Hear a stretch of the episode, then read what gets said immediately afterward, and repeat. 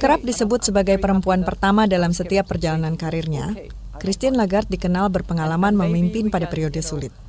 Di saat bersamaan, dia membesarkan dua anak laki-lakinya. Whenever the situation is really, really bad, you call in the woman. Lagarde pernah bilang ini dalam wawancara dengan New York Times setelah ditunjuk sebagai gubernur Bank Sentral Eropa. Saat itu dia melepaskan jabatannya sebagai perempuan pertama yang memimpin Dana Moneter Internasional atau IMF selama 8 tahun.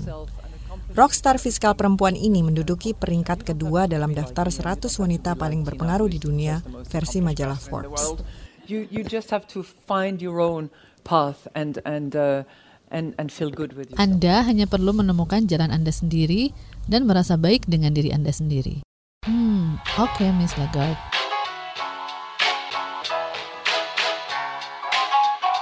Saya Hera Diani dan saya Devi Asmarani. Ini adalah episode pertama How Women Lead. Podcast tentang bagaimana pemimpin perempuan mendobrak batasan, membongkar stereotip, dan melampaui ekspektasi. Podcast ini adalah produksi Magdalene, didukung oleh inisiatif Investing in Women. Gimana sih rasanya menjadi perempuan yang bekerja di bidang yang diasosiasikan sebagai bidangnya laki-laki? Suaramu sering kali tidak didengar. Kamu mendapatkan gaji yang lebih rendah dari rekan kerja laki-lakimu? Atau kamu kerepotan menjalani peran sebagai perempuan pekerja sekaligus mengurus keluarga? Atau mungkin kamu mulai berpikir untuk berhenti bekerja melupakan mimpi dan karir yang ingin kamu capai karena tertekan dan merasa tak cukup dukungan.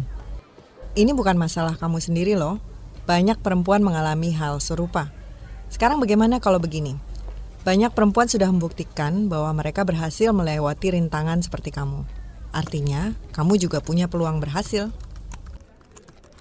Melalui podcast How Women Lead, para pemimpin perempuan akan berbagi pengalaman membangun, memimpin, dan mengembangkan organisasi, usaha, atau inisiatif mereka.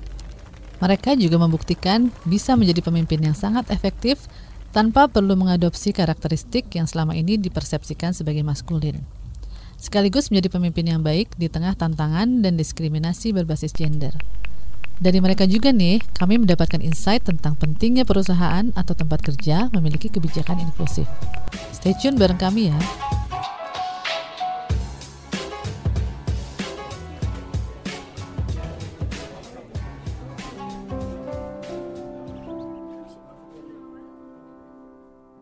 Dengan seiringnya waktu bertambahnya umur biasalah namanya saudara. Umur udah berapa? Mau nikah? Segala macem lah. Sarah ini sudah 15 tahun bekerja sebagai karyawan swasta di salah satu perusahaan di Jakarta. Jadi bukan hanya Christine Lagarde yang membuktikan kalau berkarir sambil mengurus keluarga itu sangat mungkin dilakoni sekaligus, ya kan? Itu udah dilema banget deh di saat kerjaan banyak. Nah, dalam suatu wawancara Miss Lagarde juga pernah memperingatkan Perempuan yang berusaha mengejar karir dan pada saat yang sama juga membesarkan anak mereka mesti siap menerima segala rintangan, bahkan mungkin kegagalan. Kuncinya, kata dia, adalah sabar.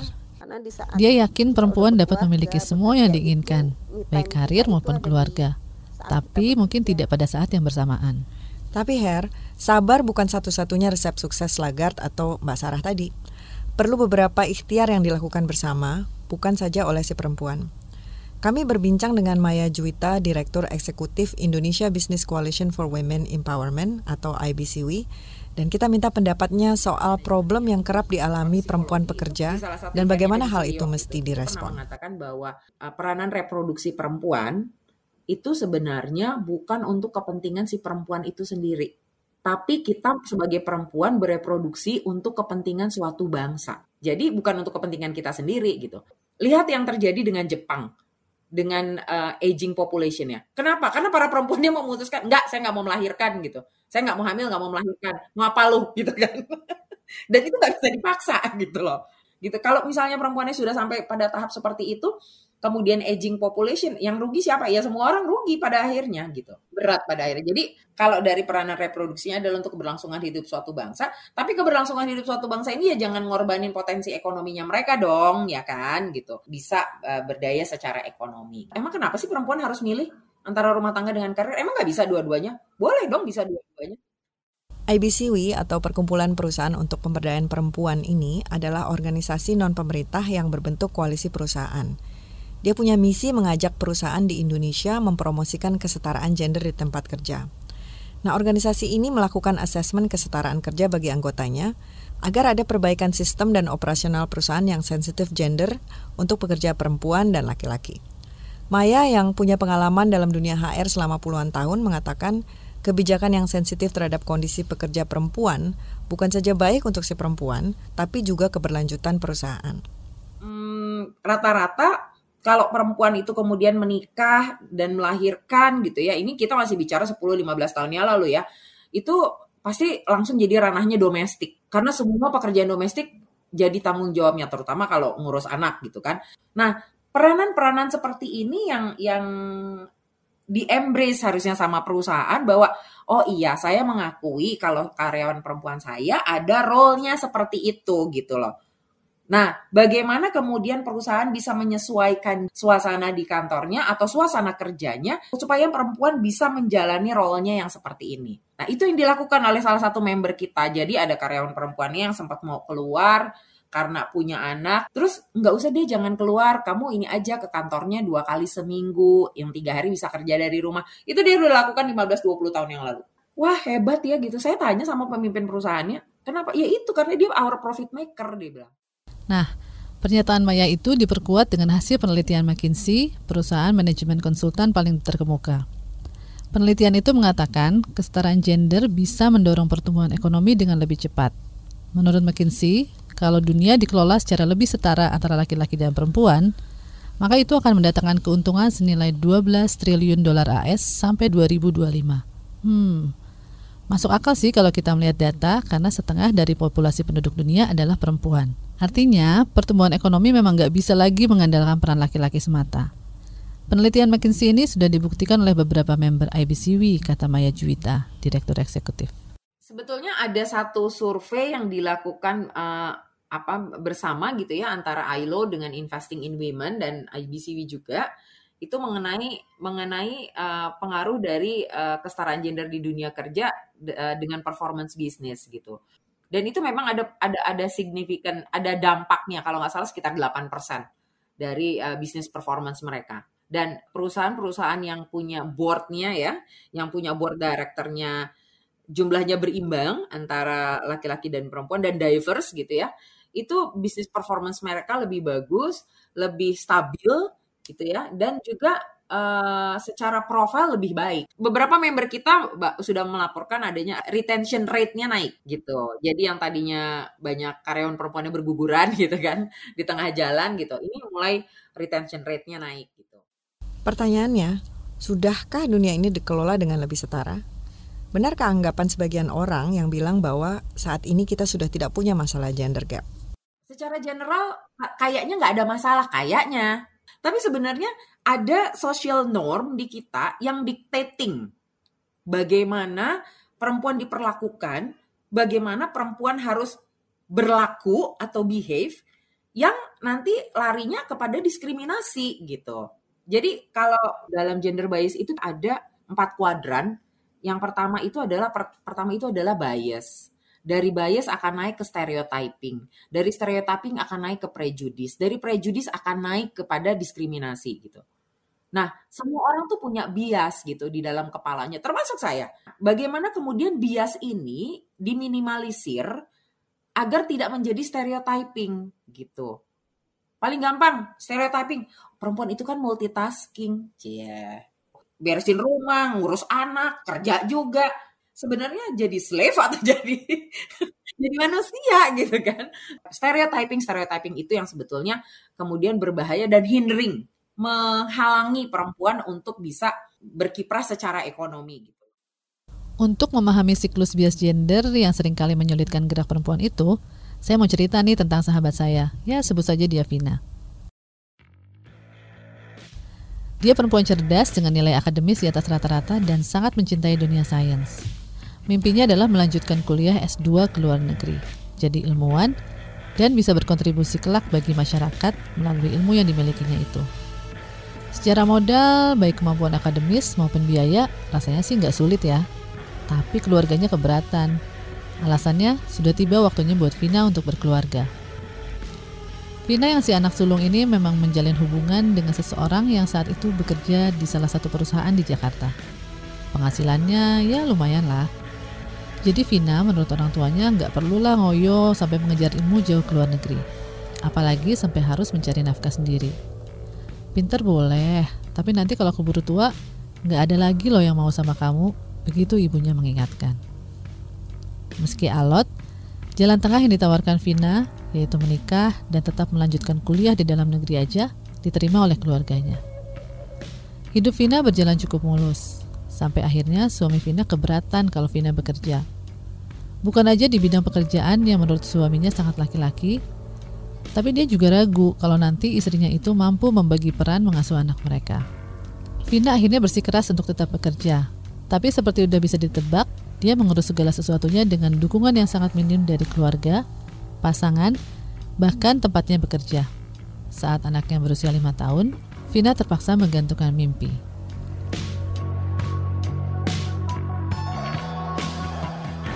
Saya rasa banyak perempuan di luar sana yang mengalami kondisi hampir mirip seperti Vina, termasuk Mbak Maya Juwita. Uh, saya sendiri, saya masih suka ditanya loh. Kebetulan saya kan memang belum menikah. Ditanya gini, uh, kenapa sih belum nikah? Nanti uh, keburu expired loh. Hah? gile lo gitu kan aduh saya merasa seperti uh, ini sekaleng kornet gitu ada expiry date-nya sebagai manusia expiry date saya adalah uh, pada saat saya meninggal. Oke okay, jam biologisnya ada tapi kemudian apakah kemudian nilai keperempuanan saya berkurang hanya karena saya memutuskan tidak punya anak? Enggak lah. Setuju banget mbak Maya. Nah, ada banyak soal yang sering kali bikin perempuan harus bekerja dua kali lipat lebih keras untuk membuktikan kemampuannya. Baik itu ketika dia sekedar ingin tenang bekerja, atau ketika dia mengincar satu posisi kepemimpinan yang sama dengan laki-laki. Ini diperkuat dosen filsafat Universitas Indonesia, Saras Dewi. Uh, ruang aman untuk perempuan bisa uh, mewujudkan dirinya itu adalah sesuatu yang menurut saya uh, belum ada. Jadi ke mana-mana perempuan itu dia was-was sama keadaan. Dia nggak pernah bisa uh, merasa aman. Kalau misalnya dia berpidato politik, alih-alih pikirannya yang didengarkan, yang dikritisi oleh masyarakat adalah lagi-lagi menyasar pada tubuhnya. Uh, tubuhnya yang dikriminalisasi terus-menerus. Jadi agak sulit kalau kita nggak punya ruang aman itu untuk perempuan berkreasi, uh, berinovasi, perempuan bisa menunjukkan atau bisa menjadi dirinya sendiri. Yayas bilang, ketiadaan ruang aman ini jadi salah satu ganjalan sehingga minim representasi perempuan dalam berbagai bidang. Di dunia politik, katanya, meski ada peningkatan dari sekitar 17% jadi 20%, keterlibatan perempuan sulit naik jadi 30%. Perkaranya, kata Yayas, bukannya perempuan gak bisa atau gak mau terlibat di gelanggang politik, tapi perempuan memiliki kendala yang sifatnya berlapis. Jadi kalau mungkin satu orang, satu laki-laki mengalami suatu kendala, satu lapis, perempuan bisa mengalami kendala yang berlapis-lapis. Dari soal akses pendidikan, dari soal uh, uh, pemahaman kultural atau bahkan perspektif agama gitu. Itu yang kan berlapis-lapis. Ini yang menurut saya multidimensi ini yang nggak dipahami di soal perempuan. Nah itu yang membuat masih sedikitnya representasi perempuan. Sebetulnya dalam keseharian contoh-contoh itu sangat mudah ditemui. Di acara-acara pandemi uh, seminar atau webinar uh, uh, mengenai uh, kenormalan baru di masa pandemi. Pasti semua pembicaranya adalah laki-laki. Jarang sekali. Sampai diprotes dulu nih sama yang disebut sebagai geng feminis baru orang oh um, oh ada yang ada problem representasi ya. Padahal banyak sekali pakar epidemiologi perempuan. Banyak sekali pakar uh, urban atau masyarakat urban itu perempuan. Banyak sekali dokter, perawat ya itu perempuan gitu. Tetapi kenapa? Karena narasinya tidak dianggap atau tidak dihargai gitu. Termasuk juga misalnya kalau saya lihat di mm, masalah-masalah lapangan pekerjaan gitu. Di lapangan pekerjaan juga representasi perempuan yang menduduki jabatan-jabatan dengan uh, jabatan dengan apresiasi gaji itu uh, minim sekali dan sering kali justru uh, uh, dipinggirkan. Itu kan fakta-fakta uh, bahwa um, belum ada kesetaraan, belum ada suatu ekosistem atau suatu ruang yang aman dan setara untuk perempuan. Dan Yayas mengakui hal yang sama terjadi di dunia yang digelutinya. Di prodi saya aja ya, dari misalnya 18 orang, perempuannya itu tidak sampai 50% daripada jumlah anggota pengajar. Publikasi misalnya, bentuk keterlibatan yang lainnya misalnya, masih sedikit sekali menurut saya ruang yang dibuka untuk uh, perempuan kita bisa ukur kalau sesuatu suatu masyarakat itu punya sensitivitas pada keadilan dan pada kesetaraan ya dengan representasi yang adil itu. Kalau sekarang ya kita masih menghadapi masyarakat yang masih bersandar pada ketimpangan itu, masih terbiasa pada ketimpangan itu dan bahkan yang masih berprasangka emang kalau perempuan jadi filsuf itu mau bahas apa sih gitu. Yang masih menganggap bahwa oh akal budi itu kan ranahnya laki-laki misalnya ya itu masih banyak yang yang punya pandangan seperti itu. Celutukan-celutukan yang sering gitu saya alami pribadi gitu, uh, secara paralel dialami oleh orang perempuan lainnya gitu dalam bidang-bidang kerja mereka yang berbeda-beda. Kalau Yunita punya cerita begini. Kalau untuk di uh, kantor sendiri keresahan yang sering aku rasain itu uh, kerap kali suaranya akhirnya nggak didengar. Contohnya ketika aku mengeluarkan argumentasi atau kritik ke perusahaanku, argumen A katakan, uh, suaraku itu justru dianggap kayak uh, ah lo mungkin baper aja masa hal kayak gitu dikritik tapi nggak lama kemudian ketika yang menyampaikannya itu laki-laki lebih didengar pada awalnya aku kira loh apa uh, kenapa giliran gue sering kali malah dianggap baper dan lain sebagainya. Cuma pas aku lihat lagi ya emang lebih banyak yang didengar suaranya pada akhirnya laki-laki. Dan pada akhirnya cara aku untuk survive di titik itu lebih ke membentuk ruang-ruang yang menurutku nyaman dengan orang-orang yang punya perspektif gendernya cukup baik. Uh, cuma pada akhirnya itu juga jadi kerisihan tersendiri ya. Atau ini. Kalau di lapangan itu beberapa hal yang mengganjal itu lingkungan cenderung uh, seksis ya. Dalam artian jokes-jokes seksis itu masih sering didengar. Terus habis itu bercandaan yang sifatnya mengobjektifikasi tubuh perempuan ngegodain dan lain sebagainya. Itu hal-hal yang masih kerap kali aku dapatkan. Bukan hanya dari sesama wartawan tapi juga dari narasumber. Dan itu somehow bikin risih sendiri ya dalam proses aku kerja. Yap, yang juga menjengkelkan sejumlah pekerjaan masih identik dengan pekerjaan pria. Ini memberikan beban tersendiri, padahal peran perempuan di sana menjadi sangat penting. Dan boleh jadi dari sisi akademik, perempuan cenderung lebih unggul dibandingkan laki-laki. Namun dalam dunia kerja, hal seperti itu tidak terlihat. Kalau boleh uh, aku cerita sedikit sih, sebenarnya lingkungan media yang selama ini kurasakan sejak awal 2018 aku jadi wartawan itu sangat maskulin dan uh, terlebih aku kerja sempat di media cetak dan di media online.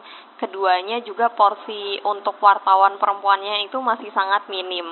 Uh, apalagi kalau jenjang-jenjang karir seperti editor dan sebagainya. Di pengalamanku di media terakhir itu beberapa kali bahkan editor gak ada perempuan sempat ada resign terus habis itu kosong lagi sempat ada lagi resign terus kosong lagi. Dan representasi perempuan sebagai wartawan pun juga bahkan kurang dari 40% ya, masih sangat minim dibandingkan laki-laki. Kalau ini dibiarkan terus berlangsung, minimnya keterwakilan perempuan dalam banyak aspek tidak hanya merugikan kesejahteraan pribadi mereka, tetapi juga menghambat pertumbuhan ekonomi. Indonesia sudah tidak ada masalah dengan kesetaraan gender, Cia. Iya, di Indonesia secara terbuka sudah tidak didiskriminasi kok gender itu. Perempuan boleh mau jadi pemimpin di Indonesia tidak dilarang. Kita malah di kabinet yang sebelumnya kita punya sembilan menteri perempuan dan semuanya di posisi strategis ya. Tapi kemudian adalah bagaimana sebetulnya untuk melihat kerana ekonomi. Kita akan bilang bahwa oke, okay, Indonesia punya mimpi untuk menjadi negara dengan ekonomi terkuat di dunia keempat ya, tahun 2045. Cita-cita Indonesia adalah menjadi negara dengan ekonomi terkuat, ekonomi keempat terbesar di dunia. Dan itu akan sulit tercapai kalau yang diandalkan untuk dari sisi ekonomi adalah laki-laki. Kalau saya selalu bertanya adalah berapa banyak sih kalian kehilangan talent perempuan dalam waktu satu tahun terakhir? Itu biasanya langsung berubah jadi ajang curhat. Aku kemarin punya karyawan perempuan, pinter banget, bagus banget. Dia melahirkan, terus berhenti deh. Oke, okay. that's our way in gitu kan. Jadi kalau bicara dengan bisnis, itu akan lebih, sebenarnya lebih hitam putih gitu loh. Bagaimana sebetulnya kesetaraan gender ini kita bawa ke ranah bisnis. Jadi jangan bicara dari sisi sosial, tapi kami bicara dari sisi bisnis. Dan fakta menyedihkan lainnya, perempuan masih sering dianggap sebagai tenaga kerja sekunder dalam mengisi satu posisi pekerjaan. Kalau dari segi gaji, semua mengatakan, oh enggak, kita udah setara kalau gaji. Mau perempuan, mau laki-laki, kalau posisinya sama, dia akan gajinya sama. Oke, okay. gaji sama gitu. Tapi begitu kita masuk ke benefit, pasti beda. Banyak perusahaan yang masih memperlakukan perempuan dianggap single mau dia punya anak atau dia punya apa pun itu dianggap single. Kenapa? Karena dianggapnya dia adalah second earner, second income. Yang main income tuh kan suaminya. Jadi apalagi kalau dia udah di cover asuransi sama suaminya, itu masih dibilang, "Ya kan udah di cover asuransi sama suaminya." Ya emangnya suaminya yang kerja di perusahaan sini kan enggak gitu kan?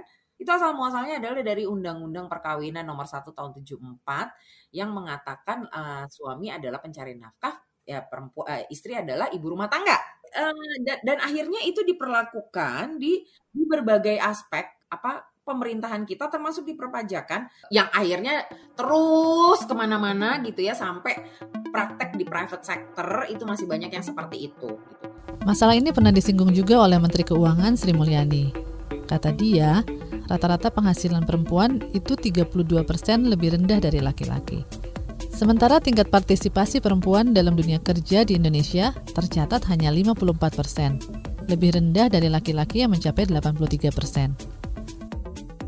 Memang sih, nggak ada larangan bagi perempuan untuk bekerja. Tapi seperangkat aturan, norma, dan tradisi membelenggu dan membatasi ruang geraknya perempuan, sehingga tidak jarang kondisi ini mendorong terjadinya perbuatan yang tidak menyenangkan, kekerasan, pelecehan, dan diskriminasi. Perlu kolaborasi semua pihak untuk mengatasi persoalan ini, termasuk si perempuan. Perusahaan sudah menyediakan fasilitasnya, ya. Jadi dalam bentuk entah dalam bentuk lakta, ruang laktasi, dalam bentuk flexible working arrangement, macam-macam dia buat gitu ya. Tapi kalau misalnya uh, perempuannya masih punya pandangan sempit bagaimana uh, peranan perempuan itu karena bagaimana dia dibesarkan pada dasarnya, itu kan juga tidak akan berhasil gitu loh. Jadi ini harus dua arah dari perempuannya tapi dari perusahaannya juga. Saya paling gak, paling sering mendapatkan omongan perempuan itu kodratnya e, di rumah. Kita bicara kodrat, kodrat itu takdir. Padahal sebetulnya e, menurut e, Dr. Nurofia, Dr. Nurofia ini salah satu dia ahli gender Islam. Perempuan itu takdirnya itu cuma tiga. Hamil, melahirkan dan menyusui. Sisanya itu bisa dilakukan oleh laki-laki, baik laki-laki dan perempuan bisa melakukannya. Di tengah upaya mendorong kesetaraan gender di dunia kerja, kita juga mendengar kabar baik. Kehadiran figur perempuan di dunia bisnis global kini jadi lebih umum dalam dekade terakhir. Mungkin Anda melewatkan kabar baik ini